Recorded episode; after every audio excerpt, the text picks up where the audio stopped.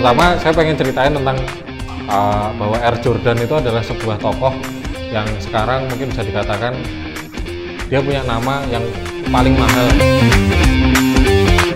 uh, dapatkan bargaining position dengan cara menjadi jammen untuk mendapatkan ini keseimbangan baru ya kan Mantap. ya, Mas Tano, kita mau ngobrolin tentang Mas Tano. Mas Tano pernah miskin nggak sih? miskin itu Nek ngeles berarti nggak Gini, pernah. gini, gini. Ah, nggak Saya- pernah. Soalnya dia punya definisi miskin sendiri. Yo. saya di zaman Soeharto. salah mas Salah ya. Kartosuwiryo Di ITI no. Nah, jadi mungkin titik di mana ngerasa gini sebenarnya mungkin orang-orang tuh ngerasain sampai sekarang pun saya juga wong yo ora sing piye banget tuh Mas Eh, dan masih banyak yang lebih tinggi lainnya. Eh, tapi dari zaman ini menarik nih jadi tips kehidupan Ah, mungkin. nah, bisa, bisa. Jadi dari zaman SD ba- eh, alhamdulillah saya dapat seorang bapak yang memang hobinya itu suka pakai sesuatu yang bermerek. Saya, saya, saya. Jadi dapat bapak tuh pas SD. Itu gimana cara dapat bapaknya mas? Bapak ketemu gede. Antum dicicil duluan. Bapak-bapakan. Enggak, jadi uh, apa SD namanya? memberikan pelajaran. Jadi waktu ketika SD itu bapak saya mulai uh, apa namanya uh, me- mensupport kita anak-anaknya itu untuk tetap pakai brand yang oke walaupun Oh. sebenarnya mendapatkannya dengan cara Susah. yang uh, apa namanya bukan mendapatkannya tapi Nyuri. uh, apa ya Lah, sendiri saat, saat zaman SD itu waktu itu baru pertama kalinya kemungkinan atau sebelumnya juga mungkin ada yaitu barang-barang reject Ah. gitu. Jadi kalau bahasa dulu reject kalau sekarang defect wah Belinya di OB dulu ya. sebelum ada OB. Belum ada ya? Iklan udah. ya. jadi zaman dulu itu. kita tuh pengen beli sepatu saya sama kakak saya itu pengen beli sepatu yang bagus gitu. Pada saat itu ingat banget itu Reebok DMX Weh. itu kita beli itu pertama kali tuh di Jogja tuh kelihatannya baru ada toko yang jualan barang-barang rejekan kayak gitu tuh di dekat SMP 6 gitu. Nah dulu kita beli di situ terus kemudian eh, ketagihan sampai akhirnya ketagihan itu maksudnya gini, gini. Sakau kita ya, cari. Cari produk barang yang eh, branded tapi kita dapatnya harga yang murah. Hmm. Ah, adik saya sampai akhirnya hobinya juga awul-awul alias nyari barang-barang second. Terus kemudian dijual lagi tapi. Karena untungnya luar biasa gitu. Terus kemudian ah, apa namanya kalau saya sendiri ah, kemudian kayak saya suka sama gadget gitu. Terus kemudian Wush. caranya gadget supaya saya bisa nyobain banyak gadget. Itu caranya gimana? Saya cari barang-barang second terus kemudian kita saya jual lagi gitu. terus kemudian Dia ini ya. ah, mempunyai banyak orientasi yang berbeda. banyak yang uh, jadi bapak saya selalu ngajarin tentang kesederhanaan sebenarnya tapi sederhananya dalam artian tapi kita tetap terlihat uh, Kaya. terlihat kaya walaupun dengan Walaupun cara reject. menda- mendapatkannya reject dan lain-lain gitu tetap kita pakai sesuatu yang branded walaupun itu second walaupun itu uh, apa namanya uh, reject misalnya kayak gitu Jadi dari kecil diajarin untuk pakai pakaian yang Barang branded. ya Yang karena- branded. ah, mix and match Rejectnya nggak usah disebut dulu, yang Oh, penting iya. branded. branded gitu. Kenapa? Karena uh, punya punya pertama untuk kita sendiri sebagai pemakai itu menambahkan value. Hmm. Terus kedua, ketika mau dijual lagi pun masih tetap laku. gitu. Nah, itu yang menarik dari dari sebuah Barang-barang brand branded. Yang bisa sukses kayak gitu. Oh, dari kecil dulu nggak pernah pakai barang KW ya mas? Eh, nah, daripada mending daripada KW kalau kita lebih mending second atau ori tapi second gitu. atau kita nyari yang lokalan tapi bagus tidaknya tapi harganya tetap uh, harga second misalnya kayak gitu Gitu. jadi itu kan banyak contoh kalau misalnya di uh, Jogja itu pada ngejar uh, apa namanya fosil. Pada ngejar merek fosil tas itu kalau di Jogja tuh udah ada brand yang terkenal. Itu sampai sekarang dulu tuh ngejarnya adalah aku ki ya fosil versi murah gitu. Tapi kemudian sekarang brandnya tracknya orang-orang yang suka itu juga udah banyak. Eh, sampai akhirnya ada forumnya brandnya jadi itu adalah Abekani itu kalau ada yang tahu tas Abekani tas kulit itu Tahu mas? itu ngejar nanti di googling aja Abekani. Eh, Abekani Abekani itu sekarang udah eh, bahkan harganya mungkin hampir sama kayak fosil atau bahkan lebih kayak gitu Sekarang ini. itu malah jadi bukan hanya alternatif tapi jadi tujuan utama karena ABK-nya sendiri menciptakan desain-desain yang bagus yang bahkan lebih eh, mungkin bisa lebih bagus daripada fosil Oke. Tuh. Jadi Mas Tano ini diajarin dari kecil diajarin untuk kelihatan kaya berarti. ya Tapi apa memang kaya nggak waktu itu? itu dikaya-kayain setidaknya tuh kita kita tuh susah tapi kita tuh Nggak nyusahin gitu ya? punya value yang kemudian orang lain itu juga kemudian eh, apa namanya nggak jijik-jijik banget sama kita gitu. Artinya kita bukan bukan sesuatu yang eh, parasit gitu. Kita eh, dan kita nggak malu-maluin ketika diajak gaul sama orang-orang bervalue tinggi lah itu katanya. Jadi itulah kemudian kita bisa eh, salah satunya bisa lebih mudah lagi dalam social climber. Walaupun kita pakai barang-barang second, barang-barang yang eh, apa namanya eh, barang-barang se- ya second atau defect tadi atau reject gitu. Ujung-ujungnya pansos ya? Enggak, bu- bukannya itu kalau orang kalau orang tua yang biasa kan biasanya ngajarinnya, nah kamu tuh jangan pakai barang-barang yang mahal, Iya. sederhana aja. Nah itu gimana tuh kalau menurut Mas Tano? Eh, menariknya adalah gini, kalau misalnya kita pakai barang-barang eh, yang brandnya, brand equity-nya sudah tinggi, itu dan kita pinter mix and match-nya ya, jangan asal pating treble juga di warna. malah desa gitu kan. Jadi eh, yang menarik itu adalah kita bisa bisa ngeblend sama sebuah komunitas itu bisa lebih bisa lebih mudah gitu. Jadi eh, apa namanya dari situ dari kita ngeblend sama komunitas tersebut kita bisa memberikan pengaruh yang positif kalau sekarang akhirnya kita kalau saya sih dari beberapa waktu yang lalu mendapatkan pelajaran bahwa eh, kita harus punya tadi saya ngomongin pempek ini harus dibangkitkan eh apa bakpia harus ganti jadi pempek itu untuk punya manfaat yang seluas-luasnya maka kalau eh, apa namanya eh, kita saya sendiri itu adalah gimana caranya saya pakai barang-barang tadi supaya saya bisa ngeblend ke komunitas-komunitas Komunitas. terus uh, saya uh, karena saya sebagai seorang muslim yang punya kewajiban untuk Oh, yes. memberikan informasi uh, kebaikan Masya uh, mungkin kalau kata dakwah itu terlalu memaksa tapi kalau mungkin uh, sebagai seorang muslim memberikan informasi tentang kebaikan Pastabikul mau jadi baik monggo nggak jadi baik ya monggo. Kayak gitu. Ini urusan kue gitu. Yang penting saya sebagai seorang muslim sudah menyampaikan tentang sebuah informasi eh, kemudian mau lanjut apa enggak monggo silakan Itu dia. nah kalau saya punya pemahaman seperti itu Masa. Sikat. Oke, jadi da- dari ya. iya benar. Jadi dari kecil itu Mas Tano dibikin mindset untuk mindset kaya gitu kan. Hmm. Akhirnya bisa berkumpul sama komunitas-komunitas orang-orang berduit. Berduit. Akhirnya karena bisa masuk ke mereka dan Mas Tano itu di apa namanya? supaya bisa menyebarkan kebaikan di antara mereka Iya, gitu ya. Oh, Jadi itu hanya sebagai alat doang berarti gitu ya. Iya. Jadi perlu banget ya yang namanya informasi itu mengeluarkan hal-hal positif ke orang lain. Karena memang kalau dari kecilnya udah termindset sama jiwa miskin dan yang lain sebagainya, nanti gedenya jadi orang yang nggak pede bisa jadi. Walaupun miskin atau enggak tuh bukan tergantung dari hartanya, Iya. tapi tergantung dari isi dompetnya. Sama aja. Sama aja. Sama aja. punya KTP apa enggak wah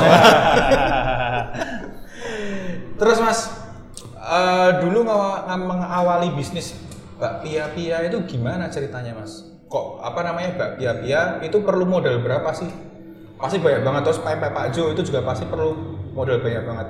Berapa kira-kira kalau mau bikin usaha itu modalnya mas? kalau Mbak Pia Pia sendiri kita Mbak Pia Pia dan Pepe Pak Jo itu semua pendanaan itu eh, apa namanya awalan itu lewat saudara dulu itu dari saudaranya Dipalak? Ah, dari saudaranya anu mas dicegat digorong Gitu. jadi Danai lah, danai. terus diamputasi Mutilasi. manipulasi Oh, boy. Lanjut lanjut. akulturasi Itu musisi ya. terus terus. terus eh, jadi kita mulai itu dari dari saudara. Eh, kita mulai dari yang kecil-kecil dulu memang. Hmm. terus kemudian eh, apa namanya kalau waktu bakpia benar-benar full offline gitu. Hmm. nah untuk yang pempek ini kita ulangi lagi sebenarnya. Kita mencoba untuk apa namanya eh, berakad pinjaman. Hmm. itu karena sebenarnya uh, Pak Pia Pia pada saat itu juga udah benar-benar mepet sekali duitnya kayak gitu. Terus akhirnya kita untuk memulai lagi kita pinjaman kepada keluarga. Yang kemudian uh, ini untuk kalau bahasa apa startup itu seeding gitu. Hmm. nah seeding yang kita kejar itu alias penyemayan lah gitu. Uh, penyemayan yang kita kejar itu kita harus punya hasil yaitu satu bukan hanya omset. Uh, omset jelas itu udah, udah perdagangan harga mati lah gitu. Terus yang kedua adalah uh, yang paling penting adalah orang-orang yang sudah trust dengan kita. Salah satunya adalah tadi reseller yang alhamdulillah kita dalam waktu singkat mendapatkan 100, 100 reseller ya. itu artinya trustnya itu udah mau borong produk kita dan kemudian mau jualin lagi. Artinya itu trust yang double.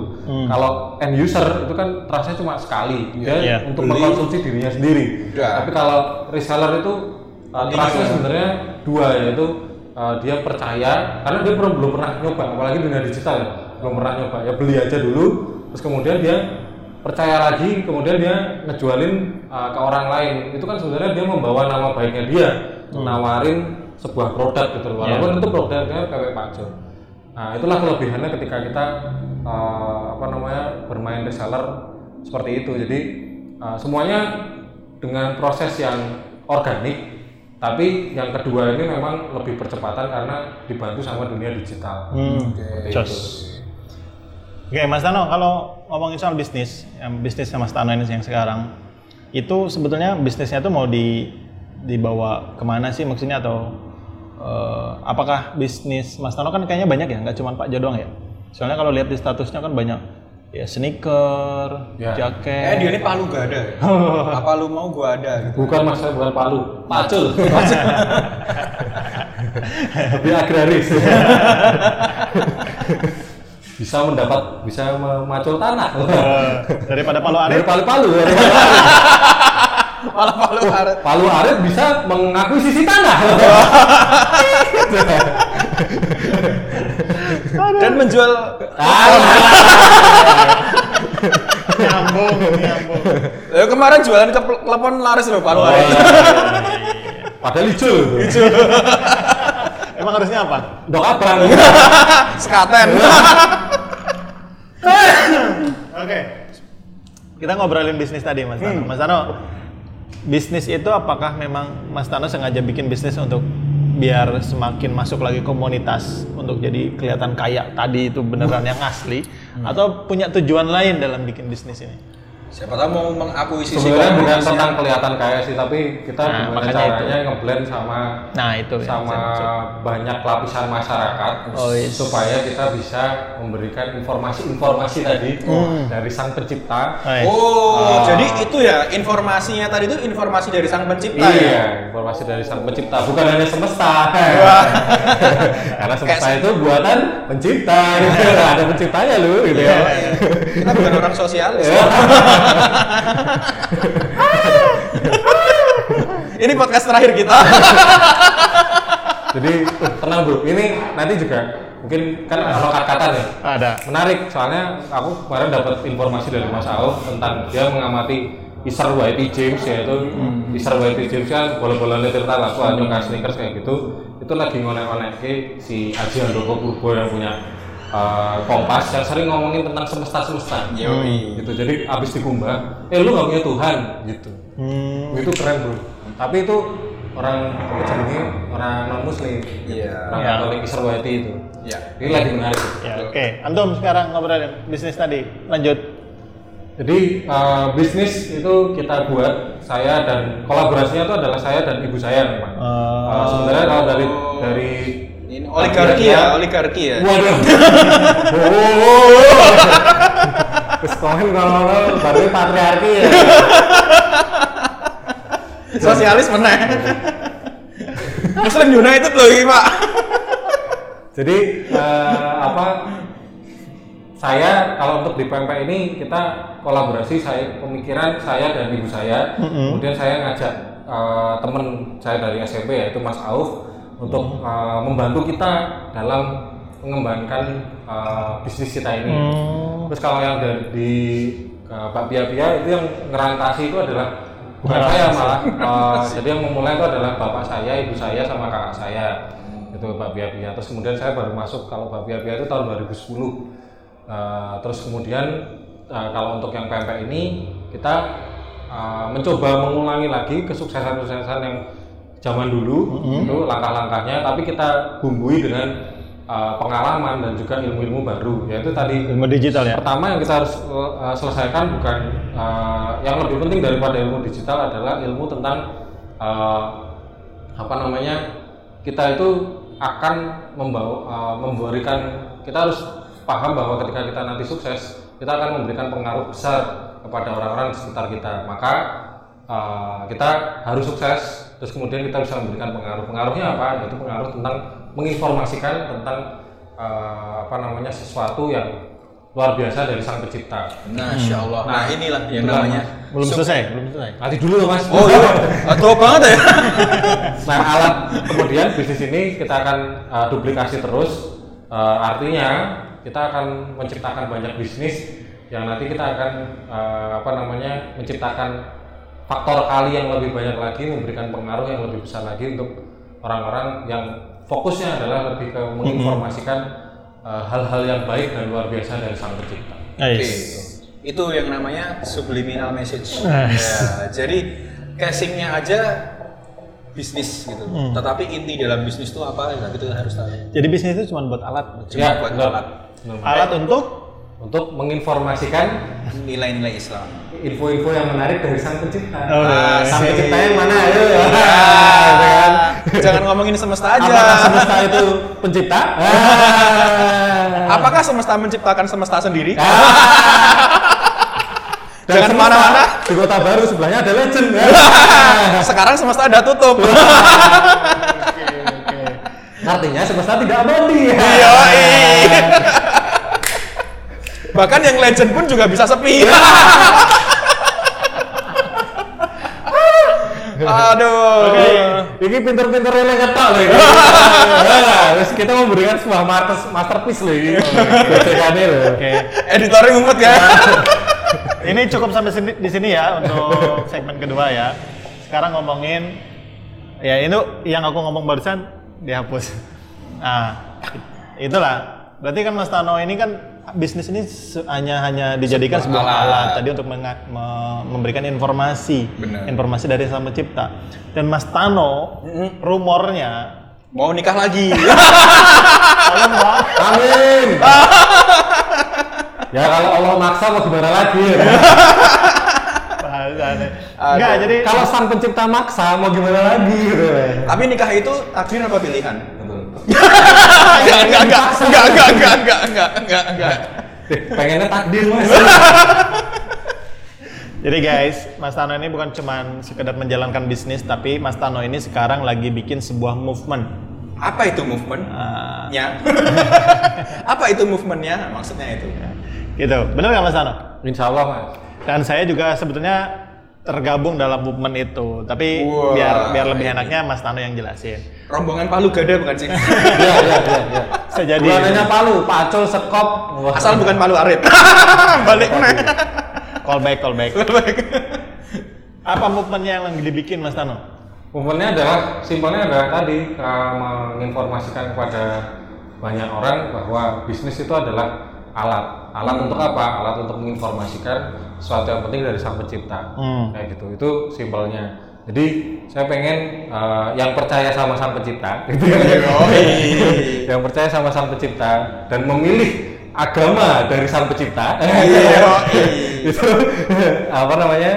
uh, segeralah untuk punya alat sebesar sebanyak banyaknya. Alat itu wujudnya apa? Bisa media, Betul. bisa sepeda, bisa sneakers, Betul. bisa Podcast uh, ini juga alat, offset, bisa uh, Podcast. laporan pajak. Kalau laporan pajaknya sekian kan berarti harganya sekian ya kayak gitu. asal jangan asal jangan masuk koran ya kan Oh, iya. Pajak haram. nah itu dia terus kemudian Sensor ya. eh, apa jenenge jadi kita punya alat yang di mana kita bisa menginformasikan kepada banyak-banyak orang bahwa ada informasi yang menarik nih dari sang pencipta yang enggak yang enggak semua orang tahu bahkan ada yang tahu dan cuek ya Pura-pura bego. pura-pura bego gitu kan Eh, jadi menganggap tidak ada dan bahkan eh, menganggap semesta itu segalanya gitu ya Yoi. Yoi. Jadi kalian ini budak semesta.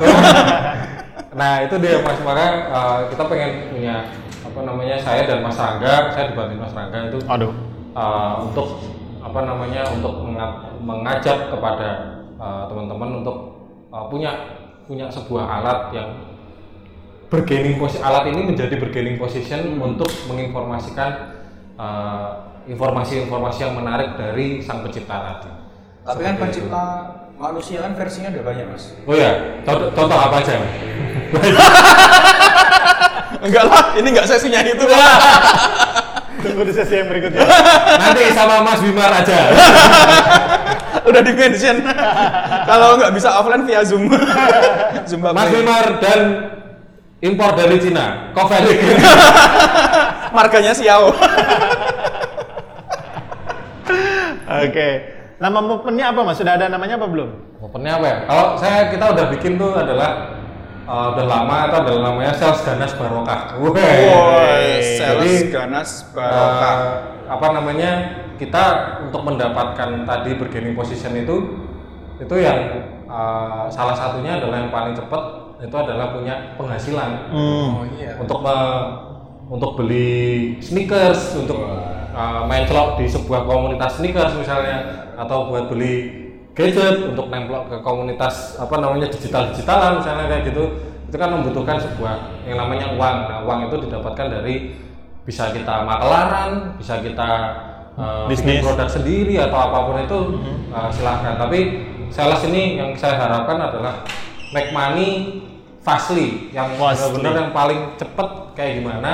Terus kemudian kita bisa punya uh, apa namanya bergaining position luar biasa untuk Oke. tadi menginformasikan sesuatu yang baik dari sang pencipta tadi Oke, Mas. Kita kan eh kita kamu kan ini antum ini kan mau menyampaikan pesan-pesan dari sang pencipta lewat wirausaha. Hmm. Kenapa sih kok harus dengan wirausaha? Hmm. Nggak dengan yang lain. Kenapa sih untuk menyampaikan pesan dari sang pencipta alias berdakwah nih kok perlu harus lewat jalur wirausaha? Kenapa? Uh, karena kalau saya sih bisanya wirausaha gitu. Oh. Terus uh, apa namanya kalau misalnya ada yang mau sebagai olahragawan seperti sahabat kita ada yang namanya Mas Robi juga itu yang sukanya Parkur. uh, eh bukan sih apa? workout Body- gitu body workout. building. Jadi uh, dia punya punya padepokan workout. Uh, pade- dia punya dia adalah ah, guru guru workout. banget. Nah itu juga bisa bisa apa namanya bisa dijadikan alat. Jadi apa pun bergaining position artinya bergaining position itu ya tetap sesuatu yang bisa dibanggakan, bisa membuat orang lain bangga. Terus Oke. kemudian orang lain itu atau sebuah komunitas itu menerima kita dan mau mendengarkan omongan kita. Hmm. Gitu. Dan omongan kita itu juga adalah berdasarkan dari sang pencipta tadi. Hai, cakep bener. Artinya kita juga nggak bikin aturan sendiri kayak gitu. Iya. Karena sudah ada aturan-aturan yang lebih keren dari sang pencipta. Nah, ini kan nggak nyangka ya Mas Tano bisa punya pemikiran seperti ini. Benar. Dari casingnya tuh nggak kelihatan loh. Jaketnya aja kayak Dilan. Milea nggak dibawa. Ada yang lebih cantik. Kan tadi menyampaikan pesan-pesan sang pencipta karena bisanya lewat berwirausaha ya berwirausaha. Sementara aturan sang pencipta terkait wirausaha ini kan ribet. Hmm. Nah, termasuk orang yang anti riba juga nggak? Makanya gini mas, dari riba itu keluar ketika ada pinjaman, bener nggak? Ya. Ya kan? Maka kita kurangi yang namanya pinjaman dengan cara kita ngejualin aja dulu. Hmm. Ya itu ada tuh dalam dalam apa namanya aturan sang pencipta kita ada aturan yang namanya dibolehin tuh makelaran, ya kan? Alias samsaro, Samsaro. atau simsar, Simsar.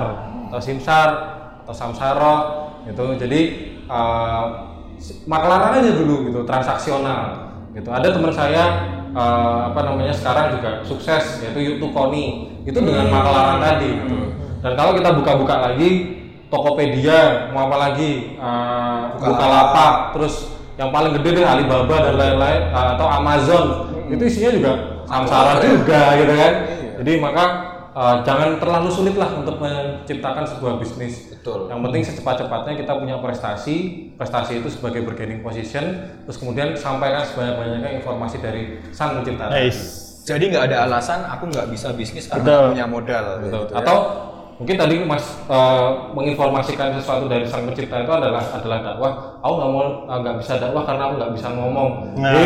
Kamu Hei. bisa eh, bikin sesuatu kan kayak gitu. Iya, Nggak iya. nggak harus pakai ngomong kayak gitu. Iya, nggak bisa jadi orang baik kan bisa jilat. Ah. Produknya bagus loh. jilat yang, jilat yang syariah ya, ya itu social climber syariah seperti saya ini ya.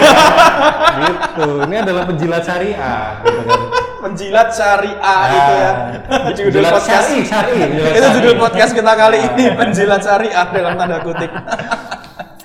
Jadi bisnisnya Matano ini nggak pakai utang dari lembaga ribawi kan? alhamdulillah sudah selesai sebelum Berarti dulu pernah tenggelam ya? sebelum pandemi Ah. itu kita beberapa bulan sebelumnya itu kita udah selesai dengan uh, salah satu uh, apa namanya bank terbesar di Indonesia Oh. nah itu jadi Apa sih? uh, Mandiri ya? bank, bank sentral Oh, Bang Sentral. Central Printing. Oh, oh. Central Printing itu di jalan dekat rumah Mas Didi. Pas perapatan. Kayak gitu. Oke. Terus berarti enggak ya? Udah oh, udah selesai. Udah selesai, selesai, alhamdulillah kita udah selesai. udah. Akhirnya Mau lagi uh, ya? bola salju itu udah berhenti. Jadi ketika pandemi ini tuh kita bisa berpikirnya tuh lebih enak. Lebih jernih. Uh, akhirnya kita utang lagi gitu. Tapi nggak pakai burger. Kayak nggak pakai riba. Eh, emang utang itu boleh. Boleh. Asal, asal nggak ada, nggak asal nggak Nggak ada. nggak dibayar. salah satu salah satu ayat di Al-Baqarah itu kan panjang paling panjang di Oh, salah iya. satu ayat di Al-Baqarah yang terpanjang ya kan itu itu, Itu menjelaskan tentang hutang kayak gitu. Nah, jadi sebenarnya utang itu boleh. Boleh, boleh. boleh. Gitu. Kredit itu juga boleh. Boleh. Yang penting tanpa ada cicilan. Cicilan. Cicilan sama aja. Tanpa ada Cicilan harus- bunganya. cicilan wajib bro. tidak ada tidak ada aksesorisnya. Tidak ada syarat dan ketentuannya. Nah, Ya kan kalau misalnya orang yang apa yang di, yang minjemin kan bilang udah nggak apa-apa tak ikhlasin. Nah itu kan lu seneng banget kan boleh kan? itu lebih baik. karena lebih baik. hakikat utang itu adalah Tolong infor- informasinya kalau ada kayak gitu ya mas. hakikat utang itu kan apa? Pinjaman Tolong menolong. tolong menolong. Tabaruk, Iya. tabaruk. Nah, Tolong menolong. Jadi siapa yang mau ngutangin kita dengan tolong menolong? Jadi itulah maka kita dari paling cari sebuah alat yang paling cepat Mm-mm. yang kita kemudian bisa punya bargaining position yang kita terlihat eh, apa namanya punya value di masyarakat yang kemudian masyarakat itu mau mendekat kepada kita dan kita informasikan sebanyak-banyaknya Yes, mantap. eh, informasi dari sang pencipta tadi Oh, supaya iya. bisa selamat di dunia berikutnya. Ya. Amin. Amin. Karena yang namanya bisnis nggak cuma untung rugi tapi surga dan Neraka. Jadi jangan sampai bisnis kita Dan- yang nggak lakunya seberapa malah di neraka selama lamanya gitu kan? Alhamdulillah. Mas Tano, sebelum tutup nih, pesan ke teman-teman pengusaha atau pebisnis atau siapa pun itu yang mau berusaha. Siapa Kita tahu- kan juga pengusaha kan, Bro? Iya, kita pengusaha. Kita masih mengusahakan usahanya. Mas Eh. mengusahakan poligami. ya itu salah satu yang Mas Rangga impikan. Dan saya. Kalau kamu kan takdir. Nah, saya pakai? Jabaria. Jabaria. Jadi gitu, ini ada pesan-pesan dari Mas Tano nih untuk teman-teman baik yang sudah terjun ke dunia usaha ataupun yang mau Resign dari dunia usaha. enggak, enggak. mau berbisnis. Berbisnis. Pesannya Mas Tano, oh buka se. Oke, oke. oke. Subuh. Apa gitu? Sesuai. Oh, ora. Oh sama saya mah pengen ngasih di saya pakai kaos ini juga bukan umum gitu. Pamer umum Jadi tuh ya. baru dapat kemarin gitu dari dari sebuah agen totolan PMN gitu ya. Jadi Itu tempat kula tempat kula saya saya jualan juga kaos itu. Terus ternyata ada tulisan yang menarik itu adalah ini. Apa ini R- pertama saya pengen ceritain tentang uh, bahwa Air Jordan itu adalah sebuah tokoh yang sekarang mungkin bisa dikatakan dia punya nama yang paling mahal. Uh, kalau yang lainnya kan, misalnya kita ngomong Apple, Apple itu yang terkenal yang mahal itu bukan nama Steve Jobs-nya, Tapi- tapi, kalau uh, tapi nama Apple-nya kan gitu. Uh, terus kemudian, nah kalau uh, Michael Jordan ini yang menarik adalah namanya dia, gitu loh. Yaitu kemudian ditambahin jadi Air Jordan. Air Jordan. Jadi Dan terbukti terbukti bahwa semua yang ada ada apa namanya siluet ngangkangnya dia gitu Iya. ngangkang selendang ngangkangnya dia itu bisa jadi mahal lah kayak gitu Iya. gitu Ya, terus jadi kalau saya mahal Wes. tapi dengan cara yang murah ya Gratis. oh, enggak enggak enggak, bro itu tuku bro Bro, Ini closing statement macam apa tuh? Nah, saya uh, mencari sebuah message di situ. Saya dapatnya, saya nggak asal beli Air Jordan juga. Di situ saya tak cari-cari, loh, yuk kaosnya apa? Ada ada Air Jordannya juga, tapi ada uh, tulisan jam Jumpman gitu. Jam uh, alias lompat. Slay. Manusia, manusia lompat gitu kan. Manusia tak berarti. berarti paskas pasukan pasukan kata gitu ya. Apa lagi? Jadi uh, jammen maksudnya gini. Jadi kalau misalnya tadi sebagai penutup, kita dalam menciptakan sebuah uh, bargaining position, sebuah prestasi supaya kita bisa punya alat yang kuat untuk menginformasikan uh, informasi dari sang kita tadi, uh, kita harus jadi uh, jumpman alias uh, social climber gitu kan. Climb jam itu kan lebih keren lagi jam ketika lompat. Artinya kita jangan jangan menggunakan cara-cara yang biasa. Jadi kita uh, lakukan beberapa kali lompatan. Jangan hanya berjalan jangan hanya climb juga. Karena climb itu kan step by step gitu. Tapi ada yang keren itu kalau uh, pendaki gunung itu kan lompat juga dia. Jadi dari dari poin ke poin tuh lompat ya Iya. jadi lakukan sebuah lompatan jadilah jumpman seperti uh, Michael Jordan yang akhirnya nanti kalian semuanya bisa punya nama yang sangat keren bahkan mahal seperti Michael Jordan. Jadi saya mengimpikan seorang Michael Jordan itu kemudian uh, seperti uh, Mas Rangga misalnya. Oh. Karena Mas Rangga dan Mas Robi ini uh, apa namanya menginformasikan sesuatu yang menarik dari Sang Pencipta gitu. Jadi Amin. semoga muncul Air Jordan Air Jordan baru atau Michael. Jordan baru dari olahragawan terus kemudian punya brand terus kemudian dia bisa memberikan hal-hal yang positif yang banyak gitu. karena kemarin saya nonton Netflix itu juga filmnya tuh tentang Air Jordan apa Michael Jordan itu sangat uh, apa namanya memberikan banyak kebaikan tapi sayangnya Sayangnya sayangnya itu kurang mengerucut pada sang pencipta, Pencipta. tadi. Ya, itu. pencipta yang uh, terbenar gitu. semesta bukan? Bukan. pencipta semesta Gitu.